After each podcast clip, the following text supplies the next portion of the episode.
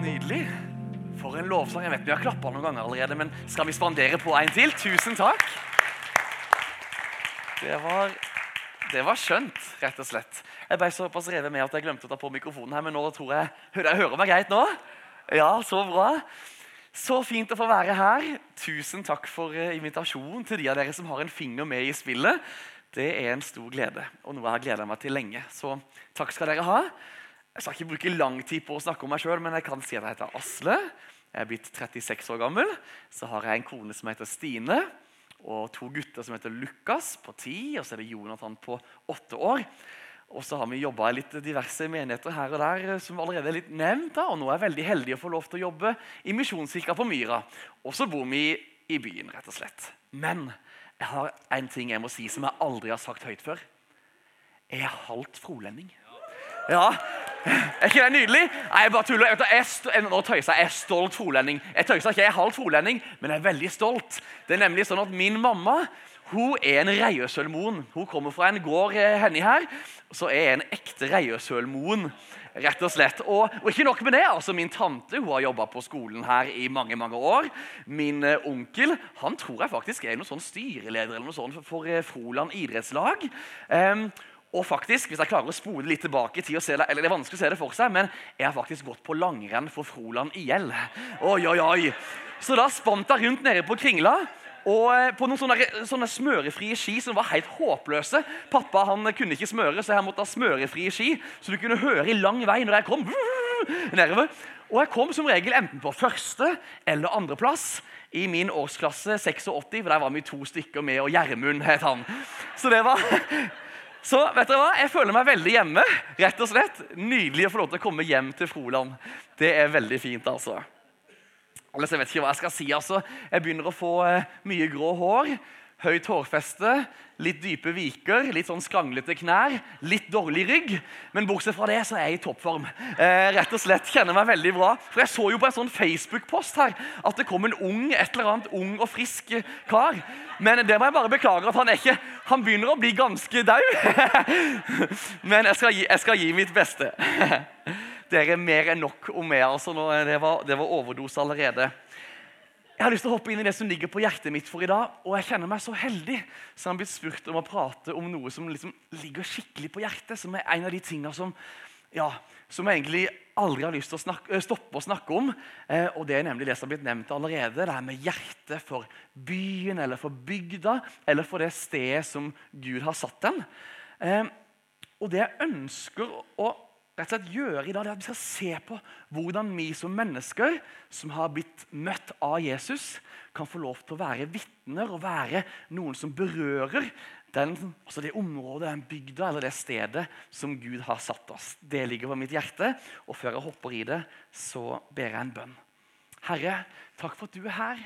Takk for ditt nydelige nærvær som vi elsker å kjenne på, og vi elsker å møte deg og få lov til å tilbe deg og ære deg. Og Nå skal vi få lov til å feire gudstjeneste. Vi er ikke bare her sånn helt passivt, men vi feirer hvem du er, og hva du har gjort for oss. Og så skal vi nå få lov til å åpne et ord som er levende, som du har gitt til oss. Og som du sier at når det går ut, så, så kommer det faktisk ikke tomt tilbake igjen. Det gjør noe. Og det, det bare gjør meg så forventningsfull, Herre, til hva du ønsker å gjøre iblant oss. Takk for din godhet. Jesu navn. Amen. Amen. Dere, Hvis dere har med dere Bibelen, så kan dere ta slå opp i Jonas' bok. Og Jeg gir dere nå litt forvarsel, for det er ikke alltid lett å finne Jonas' bok inni Gamle testamentet. der. Så det jeg ønsker å gjøre før vi skal begynne å lese, det er at jeg har lyst til å gi litt kontekst for den historien vi går inn i. og Det gjør jeg på en måte av to grunner. Jeg tenker Det kan være bra å liksom forfriske seg liksom litt opp mot hva historien om Jonah handler om, og hvor vi plutselig liksom hopper inn i teksten. Men jeg tenker også at det er bra at vi kan være sånne kirker og venne oss til å være sånne kirker hvor det skal kunne være mulig å komme uten å ha noen forkunnskap, eller noe sånt, men kunne få til å komme inn og få lov til å kjenne at den henger med. Sånn har vi lyst til å være. Så La meg ta dere tilbake til ca. 750-800 år før Kristus. Da lever det en mann som heter Jonah i Nordriket i Israel. Han er en profet som Gud har kalt, og som Gud snakker til. Eh, og På et tidspunkt så kommer Gud til Jonah, og så sier han nå Jonah, nå skal du reise til en by som heter Ninive. eh, som var langt, langt østover. Og det her var ikke hvilken som helst by. Så for Jonas, som kommer fra liksom, ja, litt mer fra bygda på et vis, så blir han altså bedt om av Gud om å reise til det som måtte være en sånn stor, voksende, fryktinngytende hovedstad i det asyriske riket, nemlig Ninive. Og reise der og for det første komme med et omvendelsesbudskap. Eh, og for det andre da, et nådebudskap. Dersom de tar imot omvendelsesbudskapet, så vil Gud vise nåde. Men hva skjer for noe? Jo, hvis dere har hørt historien før, så Jonah han er ikke helt lydig.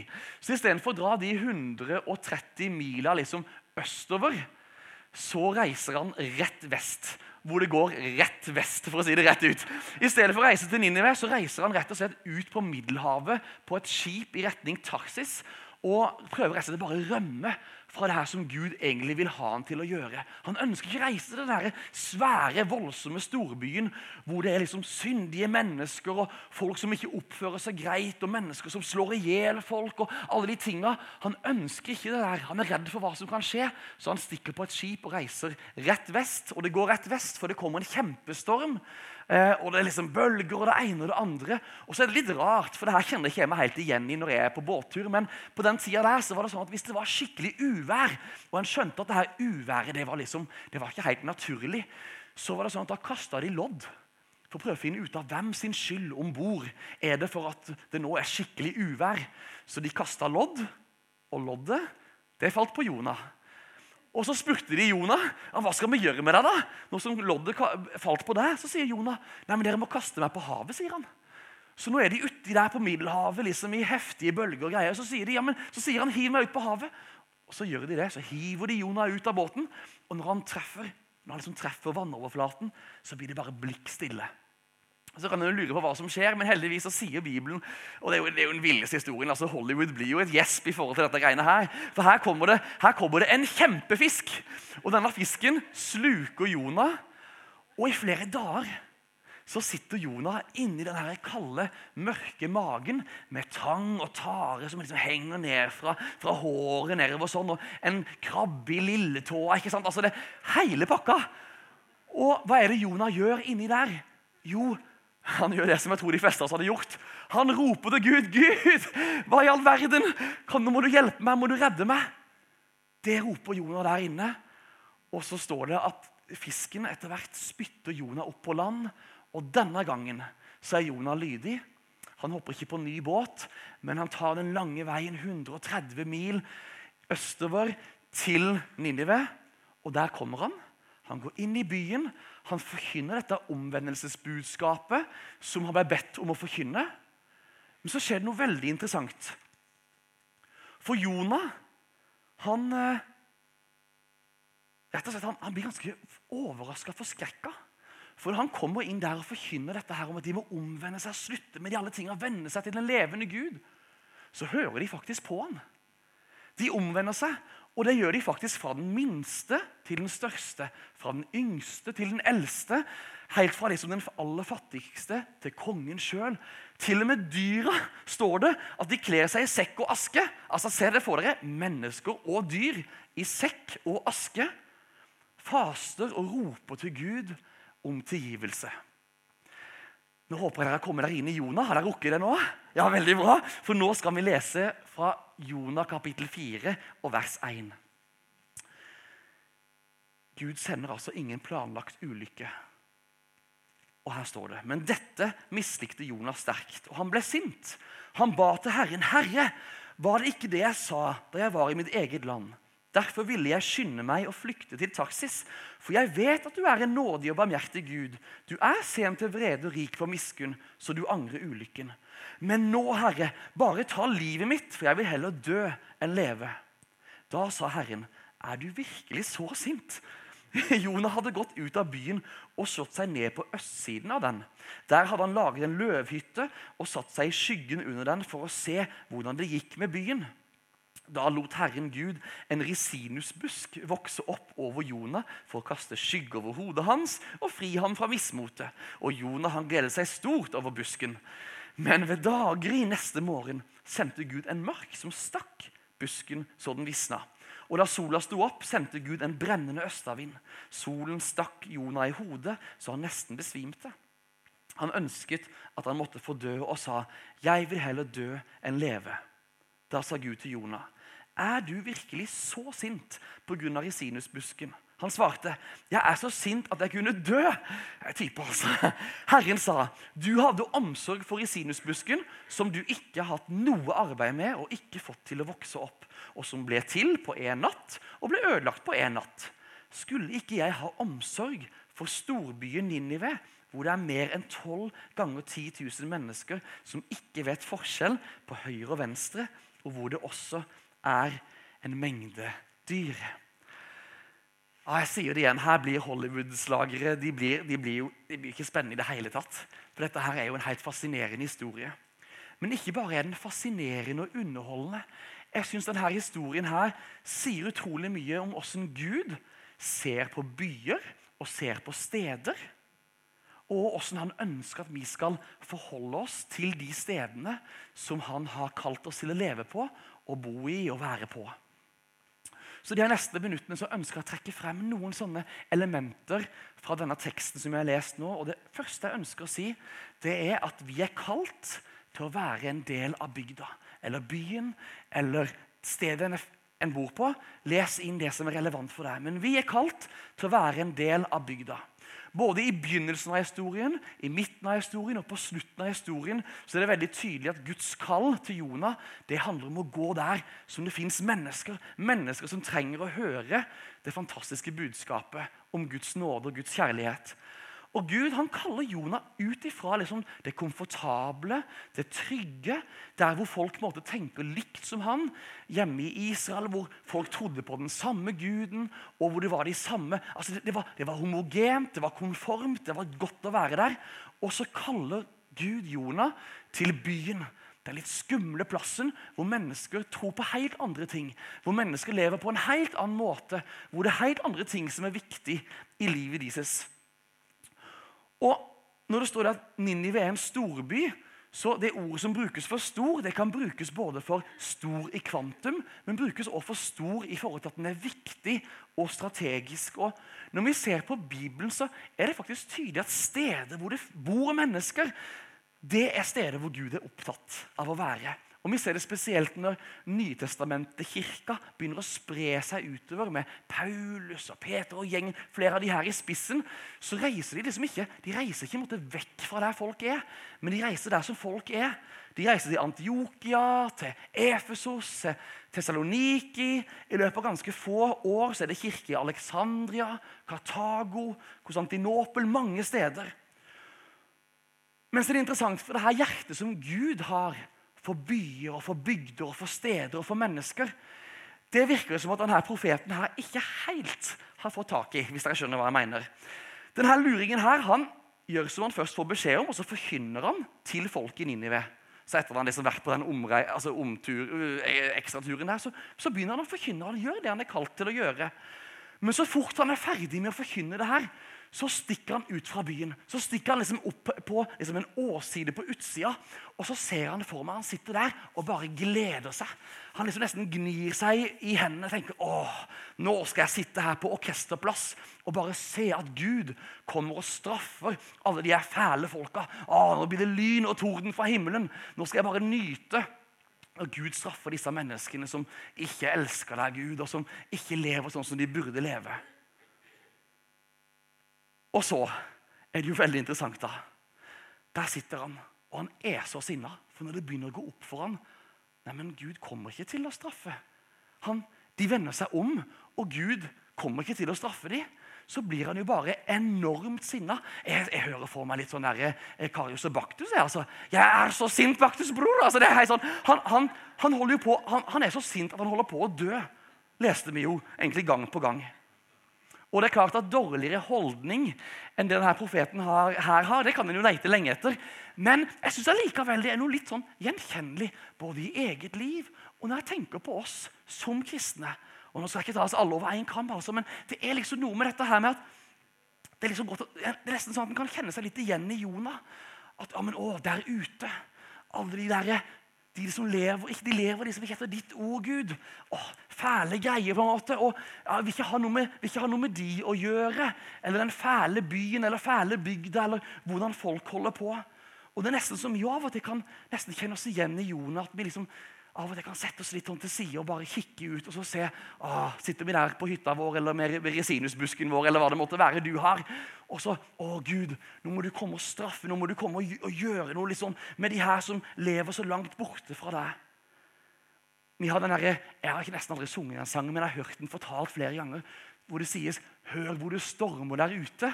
Her er det fredfullt og tyst. ikke sant? Og jeg, og jeg tenker Det er jo veldig godt, det er jo veldig godt meint. Og jeg tror det er en veldig fin sang. Jeg har ikke hørt hele sangen engang. Eh, men det er noe med den tankegangen som gjør noe med oss. At her inne ja, men her har vi det trygt og godt, på en måte. men der ute Oi, oi, oi! Alle de fæle menneskene i den verden nei, men de vil vel ikke Gud ha noe med å gjøre. Det er godt at vi holder oss her inne og, og har det trygt. Men vet dere hva? Dette er så langt vekk fra Guds hjerte som vi kan klare å komme. Han ønsker oss som en del av bygda. Han ønsker oss som en del av det stedet hvor han har kalt oss til og plassert oss. Og Dette blir veldig tydelig i en annen historie som, eh, som utspiller seg noen århundrer etter denne Jonah-historien som vi har lest nå. For det kommer en tid hvor mange av jødene blir tatt av et nytt folk på et vis. Og en del av de blir ført til en ny by, som på mange måter har overtatt som den nye verdensbyen fra Ninive, nemlig Babylon. Og en gruppe mennesker, ganske mange av de, blir ført fra Israel, ført fra det trygge, ført fra liksom der som alle igjen tror på det samme, og ført da til en sånn skummel, farlig plass hvor folk tror på andre ting, hvor det er en annen livsfilosofi, hvor det er en annen holdning, hvor det er en annen måte å se på livet. Og så er det veldig interessant hva som skjer der. For i stedet for å slå seg ned i den byen som de blir ført til, så slår denne gruppa mennesker seg til på utsida av byen. De flytter ikke inn i Babylon, men de lager en egen camp på utsida av Babylon. Og det er akkurat som at De sier til hverandre ja, men la oss nå bli værende på utsida av byen. La oss forme vårt eget lille samfunn. La oss, eh, la oss søke Gud her, vekk fra volden og vekk fra den umoralske forurensninga. Så kan vi være her og være trygge på utsida. Men da er det veldig fascinerende hva som skjer. For Gud sender et brev gjennom en mann som heter Jeremia. Og Det fører meg til andre punkt, som handler om at vi er kalt til å identifisere oss med bygda. For i Jeremia 29 så kan vi se at Gud han vil ikke ha dem der i yttersida, på utkanten, passive, på utsida av byen. Nei, han sier 'flytt inn'. Bli en del av byen. Kjøp hus, bygg hus. Lag familie. Gift dere, få barn. Vær en del av området. Ikke bare vær på utsida og søk vekst og fremgang for dere sjøl, men identifiser dere med byen. La den bli deres nye hjem. Søk byens fremgang. Be for den. Velsigne den. Så er det akkurat som Man kan nesten høre liksom israelsfolket sin stemme på utsida. Men, men, er det ikke bedre at vi bare er her på trygg avstand? At måte, vi kan på en måte søke der her, og så kanskje, så kanskje, de kan se på oss og se hvor godt det lykkes for oss. og Kanskje de på den måten kommer til å se at du er Gud, og hvor god du er. Men Gud sier nei. Dere skal flytte inn. Og det her det har vært en sånn reell spenning tenker jeg, gjennom hele liksom, kristenheten hele historien. Mellom det som Jesus i sin ypperste prestelige bønn i Johannes 17, som han kaller for å være i verden, men ikke av verden. Litt sånn rart språk på et vis. Men det er akkurat som at Gud har en sånn tanke for våre liv om at vi skal få lov til å være i, men samtidig ikke av. Og Hvordan i verden kan det se ut? Altså På hvilken måte og i hvor stor grad kan en liksom identifisere seg med en bygd, med et sted, med et nabolag? Hvor mye liksom, hvor går grensa, eller hvordan funker det? Jeg tenker at Noe av det språket som Paulus bruker i Nye Testamentet, når han snakker om statsborgerskap, gir oss noen veldig gode hint om hvordan Gud ser oss for seg i liksom de bygdene og de byene og de stedene som vi bor. For hva er det Han sier for til efeserne, så skriver Paulus i Kristus Jesus har han reist oss opp fra døden sammen med ham og satt oss i himmelen med ham. Det står til Filipperne der, så skriver Paulus vi har vår borgerrett i himmelen. står det. Og til korinterne skriver Paulus så er vi da utsendinger eller ambassadører for Kristus. Og det er Gud selv som formaner gjennom oss. Dere, vi hører faktisk til i et annet land. Visste du det? Du har et annet hjemland. Du hører til i himmelen. Du hører til i himmelriket.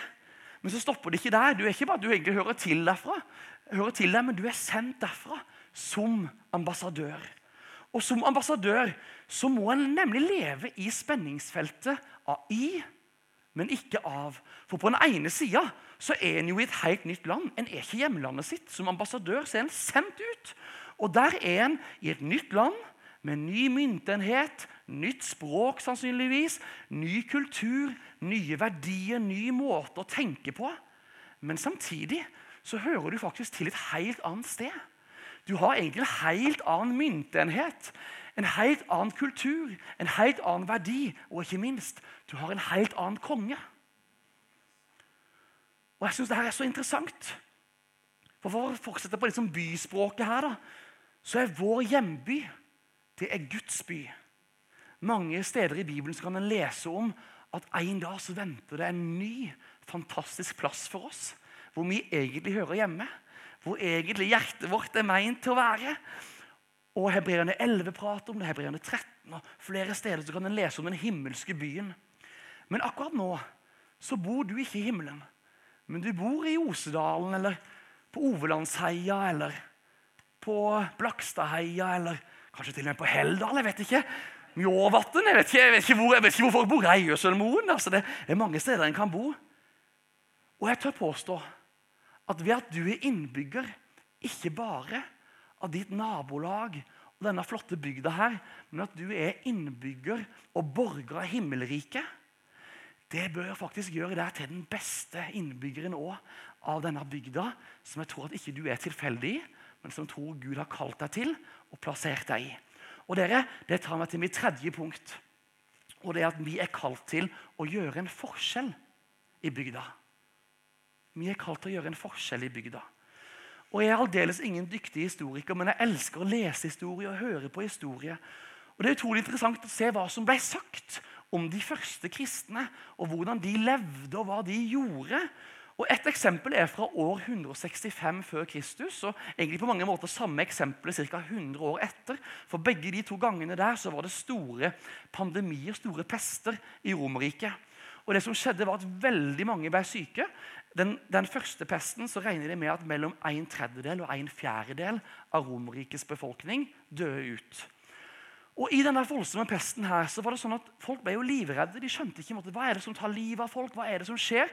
Så veldig mange valgte egentlig bare å forsvinne. altså Vekk fra byene måte, hvor, hvor, hvor liksom folk ble syke. og sånn, Vekk fra egen familie, vekk fra egne venner. Bare for å liksom redde seg sjøl. Og mens datidens historiker skriver da, om sånn stort sinne og kraftig redsel for smitte og de tinga her, så det er en som skriver som heter Dionysius. Han skriver at det var noe annet med de troende. Han skriver Flesteparten av våre kristne søsken viste grenseløs kjærlighet og lojalitet. De sparte ikke seg selv og tenkte kun på andre. Uten frykt tok de ansvar for de syke, håndterte alle deres behov og betjente dem i Kristus. Og mange forlot dette livet stillferdig, for de hadde blitt smittet av sine naboer og pådro seg slik deres sykdom, mens de villig godtok den smerter. Mange, mens de tok seg av andre, endte opp med å dø i deres sted, sier han. Et annet eksempel Eusebius. Han var historiker og han var også, eh, biskop i Cesarea på begynnelsen av 300-tallet. Og På den tida der så hadde den byen der blitt utsatt for både krig og hungersnød. Og nå hadde også en pest kommet dit. Og Om de kristne så skriver Eusebius hele dagen lang tok mange av dem, altså de kristne, hånd om de døende og begravelsene. Det var nemlig utallige mennesker som ikke hadde noen til å ta seg av dem. Andre samlet sammen utsultede folk fra hele byen og ga brød til dem alle. Og Eusebius han fortsetter med å si at pga. deres medfølelse og handlinger midt i pandemien så var de kristnes omsorg på alles lepper, og de ga ære til de kristnes Gud. Så kan jeg kanskje argumentere nå for at ja, okay, men det var Eusebius som skrev det her. så Eusebius han var, en, han var, jo en, biskop i byen. I tillegg til å være historiker så var ikke han på en måte, han var vel ikke helt uh, habil i denne saken. her. Men da er det vanskeligere å bortforklare det Julian, den romerske keiseren, sier noen få tiår seinere. Han var ordentlig sånn lidenskapelig i forhold til sin hedenske tro. Så han ønska å dra Romerriket tilbake til liksom de gamle gudene og de gamle skikkene. og Vekk med den kristne troa. Så han jobba hardt for å undergrave den kristne kirka.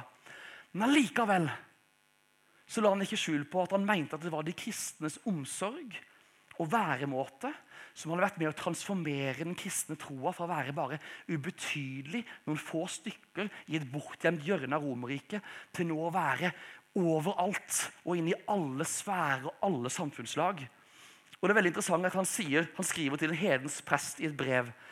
Da det skjedde at de fattige ble neglisjert og oversett av prestene, og da mener han de hedenske prestene, da kom de ugudelige galileerne, som han kalte de kristne, og la merke til dette, og de ga seg over til filantropi. De hjalp ikke bare deres egne fattige, men også våre, skrev Julian. Og Julian foreslo faktisk at de hedenske prestene skriver i brevet sitt at de må prøve å etterligne den kristne veldedigheten. For å på den måten prøve å få en sånn hedensk vekkelse i Romerriket. Men det lyktes ikke i det hele tatt.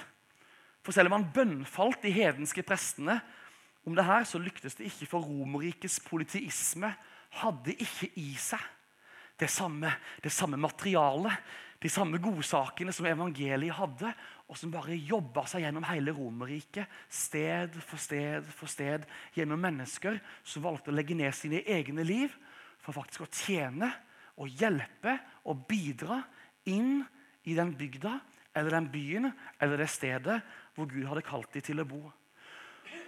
Og leser jeg nå de her tingene for å si at ja, men, å, så, så, flinke vi er, så gode vi kristne er. kan vi liksom, liksom måtte slå oss på skuldra. Nei, ikke det hele tatt. Det er ikke det som er hjertet mitt. Det jeg ønsker å formidle, derimot, er at, det at vi har to hjembyer. Det at vi egentlig hører hjemme et annet sted, med en annen kultur, med noen andre verdier, med en annen måte å se ting på og se mennesker på. Samtidig som vi bor her det bør ikke gjøre oss til de verste innbyggerne av dette stedet. Men det bør, faktisk, det bør gjøre oss til de som faktisk bryr seg mest. Som virkelig ser mennesker og ser deres behov. Og det her tar meg jeg, skal, jeg vil nevne et eksempel først. Jeg elsker hva som Bethel Church har kanskje noen hørt om, som ligger i Redding i USA. Hva de gjorde for noen år siden. Det sto i Korsets seier. Eh, kanskje, kanskje et klipp kommer opp her. Og de sa det. Eh, for Da var de, da var de i, en, tid hvor byen lå i litt sånn økonomiske ruiner, og hvor de sleit skikkelig. Så de måtte rett og slett eh, legge ned altså en del politistillinger og flere av de tingene i byen som, som egentlig hadde fungert. De, de, kunne ikke opprettholde det, for det var ikke økonomi til det. Og Da lander denne kirka på å gi en gave på 500 000 dollar, altså ca. 5 millioner kroner, til byen sin til for å liksom støtte opp og få, få, opp politistillingen igjen og få de her tingene til å fungere. Og Så ble de spurt om hvorfor de gjorde det. Når de egentlig trengte de pengene sjøl, for de hadde et stort sånn, kirkebyggprosjekt, noe de ønska å gjøre, og hadde spart penger til, så ble de spurt ja, men hvorfor ga dere vekk så mye penger til byen når dere egentlig skulle bygge noe sjøl. Og så sier de vi kan ikke bygge et stort og flott kirkebygg oppå ruinene til byen vår. Og Jeg kjenner jeg blir så utfordra av det. Og det minner meg på at dere vi er ikke først og fremst meint å bety noe på innsida av disse veggene, her, men vi er først og fremst meint til å bety noe på utsida av disse kirkeveggene. her. Og dere, Det tar meg til mitt fjerde og siste punkt. og Kanskje Anita har lyst til å komme opp, så skal jeg prøve å gå mot avslutning. Men jeg har lyst til å lese det siste verset fra Jonah en gang til. Hva sto det der? Og det er Gud som sier skulle ikke jeg ha omsorg for storbyen Ninive, hvor det er mer enn 12 ganger 10 000 mennesker som ikke vet forskjell på høyre og venstre? Dere, det ordet som er oversatt 'å ha omsorg for der', det er det samme ordet som oversettes med 'å gråte over'. Så hva er det Gud sier? Når han sier men skulle ikke jeg, skulle ikke jeg gråte over denne byen her? Skulle ikke jeg ha omsorg for denne byen her?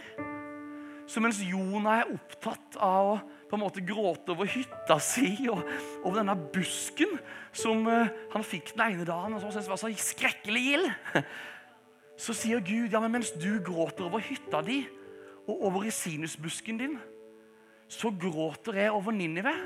Så gråter jeg over den byen som du nå sitter og kikker på, og som du håper at jeg skal komme og straffe. Den byen Mitt hjerte, hjerte brister, sier Gud. Han sier at det brister når han ser på alle menneskene. Ser på alle ulikhetene, ser på alle historiene. Alle som sliter. Alle de som har vendt han ryggen. Alle de som Alt som er annerledes enn sånn han egentlig hadde skapt og meint at ting skulle være. Og så sier Gud, 'Jeg gråter over det'. Og så tror jeg han stiller det samme spørsmålet til oss. Gutten min, jenta mi, hva er det du gråter over? Hva er det du kjenner at er viktig i ditt liv? Hva er det du har omsorg for? Elsker du det stedet jeg har gitt deg? Og det er Historien om Jonah den handler om Guds enorme kjærlighet for en stor og ikke-troende, urettferdig, syndefull, voldelig by. Og Så stiller jeg meg spørsmålet i lys av det når jeg liksom bader i denne teksten her. og så stiller jeg meg spørsmålet hvordan i all verden kan jeg, som ikke er i nærheten av så god som han, og så fantastisk som Gud er, så raus eller så kjærlig som han er, hvordan kan jeg likevel klare å bety noe for mitt sted og for min, for min bygd og mitt, min plass? Og vet dere hva? Jeg tror vi må se til Jesus. Han er det aller beste eksempelet som fins. For det første, han kom, og så ble han en del av folket. For det andre så identifiserte han seg med folk og deres liv og deres utfordringer og hvordan livet deres var. Han var ikke bare på avstand, nei, han gikk jo midt inn i tinga. Midt inn i gater og steder hvor egentlig ingen gudsfolk skulle gå. Så møter han på mennesker som kanskje ikke fortjener det i det hele tatt. Men han er bare så raus. Og for det tredje så betjener han mennesker. Han gjør en forskjell. Og for det fjerde så legger han ned sitt eget liv for mens Jonah gikk på utsida av byen for å fordømme byen, så står det at Jesus han gikk på utsida av byen for å frelse den og for å frelse dette folket. Hebreerne 13,12 sier derfor led også Jesus utenfor porten for å hellige folket ved sitt eget blod. Vet dere hva? Med Jesus som forbilde og vel vitende om at vi egentlig har et annet hjemland, så tenker jeg at vet dere hva? Det er meint til å dytte oss på utsida av disse veggene her. Og bety noe for denne plassen her. Og jeg tenker at Froland er så heldig som har denne menigheten her. Jeg mener det. De vet ikke engang hvor heldige de er. Hvor det fins en menighet som ber for dem, og som heier, og som uke etter uke åpner dørene, betyr noe for unge, for barn, for eldre.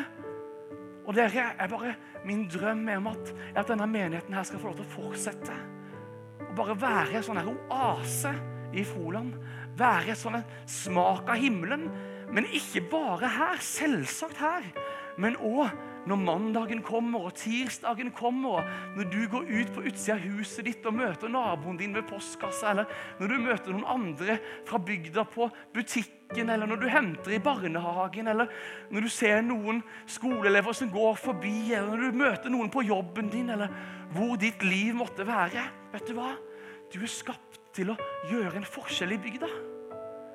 Gud ønsker oss ikke på utsida, sittende inn og stirre liksom, og tenke, liksom, kikke ut av vinduet og tenke ja, men, å, nei, der er, det liksom så, der er det så hardt og så tungt og så vanskelig. Nei, vet du hva? Gud sier hjertet mitt det bare brenner så, det gråter så for de menneskene der ute. Og Jeg tror han lengter etter at vi skal få tak i samme, samme brannen, samme lengselen, samme drømmen i våre hjerter om å bety en forskjell. Dere hadde lyst til å reise dere sammen med meg, så har jeg lyst til å be en bønn.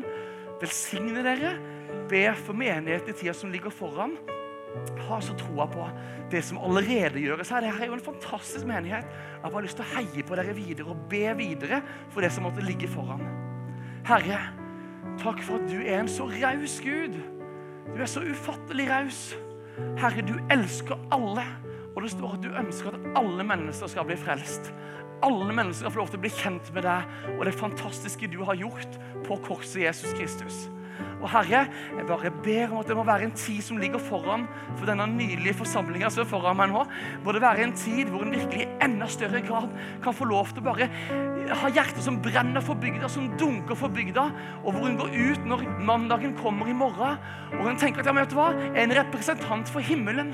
Jeg skal nå gå ut, så skal jeg få lov til å bringe himmelen ned til det, mitt nabolag, til mine naboer, til de jeg møter på jobben, til de jeg møter rundt omkring på butikken og andre steder. Herre, jeg bare ber om en sånn lengsel etter å få lov til å være hender og føtter av deg, Herre. Og Herre, så ber jeg også, hvis det er mennesker her som kjenner at ja, men vet du, det her å, det kjennes utfordrende ute, jeg er ikke så frimodig. Eller jeg kjenner jeg har ikke så mye å gi, jeg har ikke så mange gaver, ikke så mange talenter. Gud, jeg ber spesielt for dem. La de få lov til å kjenne nå at du har en plass for dem at du ønsker å bruke dem. Og det er ikke noen tilfeldighet at de er akkurat der de er. At de kjenner de de kjenner. At de har de naboene de har. At de har de kollegaene de har. At de har de familiemedlemmene de har, Herre. Det er ikke tilfeldig. Men Gud, du er en som kaller, og som utruster oss for akkurat det livet som vi får lov til å stå i. Og akkurat nå så bare ber jeg din velsignelse og hver eneste en. Frimodighet, glede, ny styrke ny kraft, ny visdom, nye tanker, nye ideer, kreative tanker. Hvordan en kan få lov til å være med og se at denne bygda her sakte, men sikkert vender seg mer og mer mot deg, Jesus. Får mer og mer øye på hvem du er, hvor fantastisk du er, og hva du har gjort for dem. Det er min bønn i ditt mektige navn, Jesu navn. Amen. Amen.